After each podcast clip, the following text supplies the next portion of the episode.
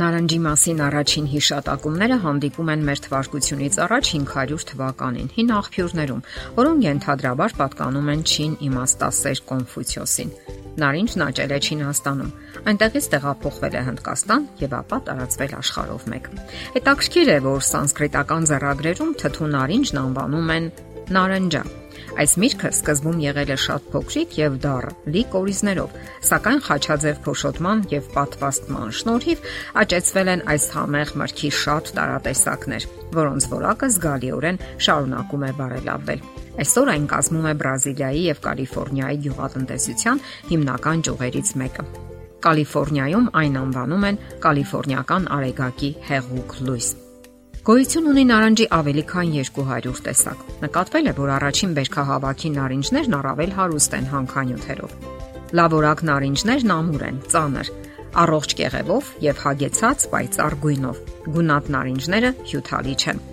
Ուսափեք փափուկ, թորշոմած եւ վնասված մրգերից։ Եթե կեղևը կտրտված է կամ վնասված, հարկավոր է անմիջապես ուտել պտուղը, որովհետեւ վիտամին C-ն ոչնչանում է օթի մուտք գործելուն զուգընթաց։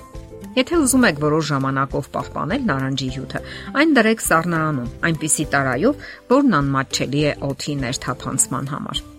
Նարինջը պարունակում է սպիտակուց, սննդային բջջանյութ, ածխաջրատներ եւ շատ քիչ քանակությամբ ճարպեր, ինչպես նաեւ մոնոսախարիդներ։ Իր դասակարգմամբ նարինջը մերձարևադարձային միրգ է եւ պարունակում է 1.5% լիմոնաթթու։ Հիմնային հակազդեցություններ առաջացնող մրգերը ճիշտ է օգտագործել մյուս արևադարձային կամ մերձ արևադարձային մրգերի, թթու մրգերի կամ ընկույզների հետ։ Ճիշտ կլինի խուսափել նարինջը օսլապարունակող մթերքների, քաղցրավենիքի կամ չրերի հետ օգտագործելուց։ Նարինջը կարելի է ուտել որպես դեսերտային միրգ, յոգուրտի կամ սալատների մեջ։ Կարելի է պատրաստել հյութեր, խառնելով մանգոյի, անանասի, նռան, խնձորի հետ։ Նարինջը վիտամին C-ի լավագույն աղբյուրներից մեկն է։ C վիտամինը օրգանիզմի համար ունի երկու կարևոր դեր։ Այն ապահովում է իմունային համակարգի արդյունավետ գործունեությունը եւ կայունացնում է մարդու հոգեվիճակը։ Հանքանյութերից նարնջի մեջ պարունակվում է բավական քանակությամբ երկաթ, ֆոսֆոր, կալցիում, պղինձ, ցինկ, մագնիում։ Այլ վիտամիններից նրա մեջ կան A եւ B խմբի վիտամիններ, սակայն ամենակարևորը մնում է C վիտամինը։ Այս վիտամինի պակասը օրգանիզմում հղի է լուրջ վտանգներով։ Այն նպաստում է առողջ լնդերի եւ ամուր ատամների արկայությանը։ Նարինջը հարուստ է նաև կալիումով։ Անընդհատ կրկնվող գլխացավերը կարող են կալիումի անբավարարության հետևանք լինել։ Ցիտրուսային մրգերի մեջ պարունակվում է օրգանական նատրիում, եթե միայն դրանք լիովին հասունացել են արևի տակ։ Կանաչ խակ մրգերի մրգաթթուները վտանգավոր են անգամ օրգանիզմի համար եւ անբարենպաստ հակազդեցություններ են առաջացնում։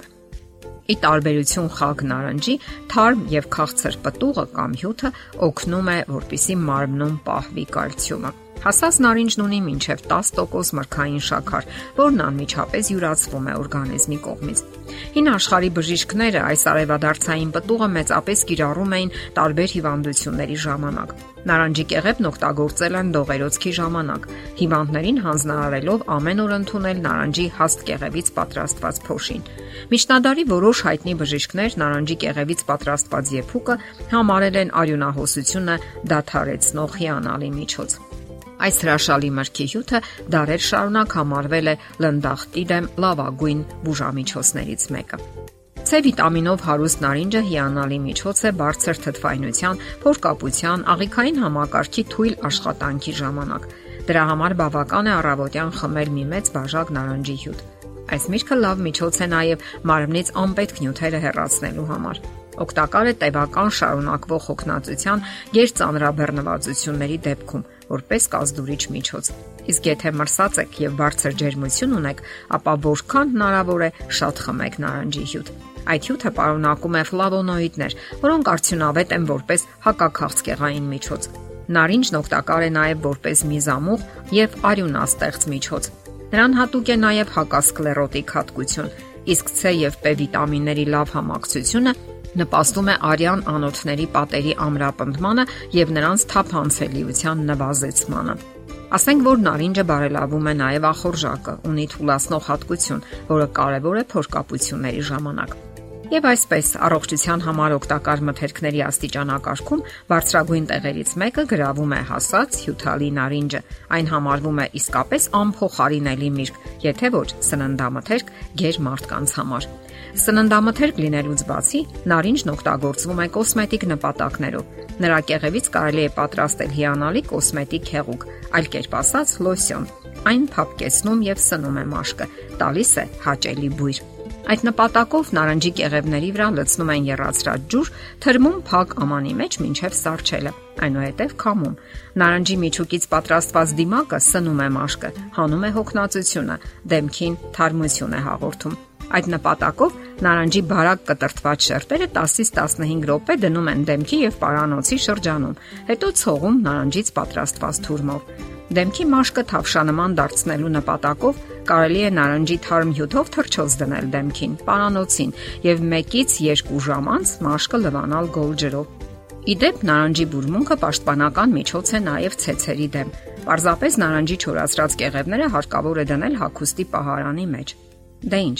համոզիչ էր։ Մի մտածեք, որ նարնջի կանոնավոր օգտագործումը կարող է մի քիչ թանկ թվալ գումարային առումով Հակառակ դեպքում պետք է դեղորայք գնեք այդ գումարներով։ Ահա թե ինչու առողջությունն ավելի կարևոր է։ Ոստի անպայման այս հիանալի միրգը ներառեք ձեր սննդակարգում։ Իսկ արդյունքները միայն անընդհատ կզարմացնեն ձեզ։ Եթերում առողջ ապրելակերպ հաղորդաշարներ։ Ձեզ հետ է Գեղեցիկ Մարտիրոսյանը։ Հարցերի եւ առաջարկությունների համար զանգահարել 033 87 87 87 հեռախոսահամարով։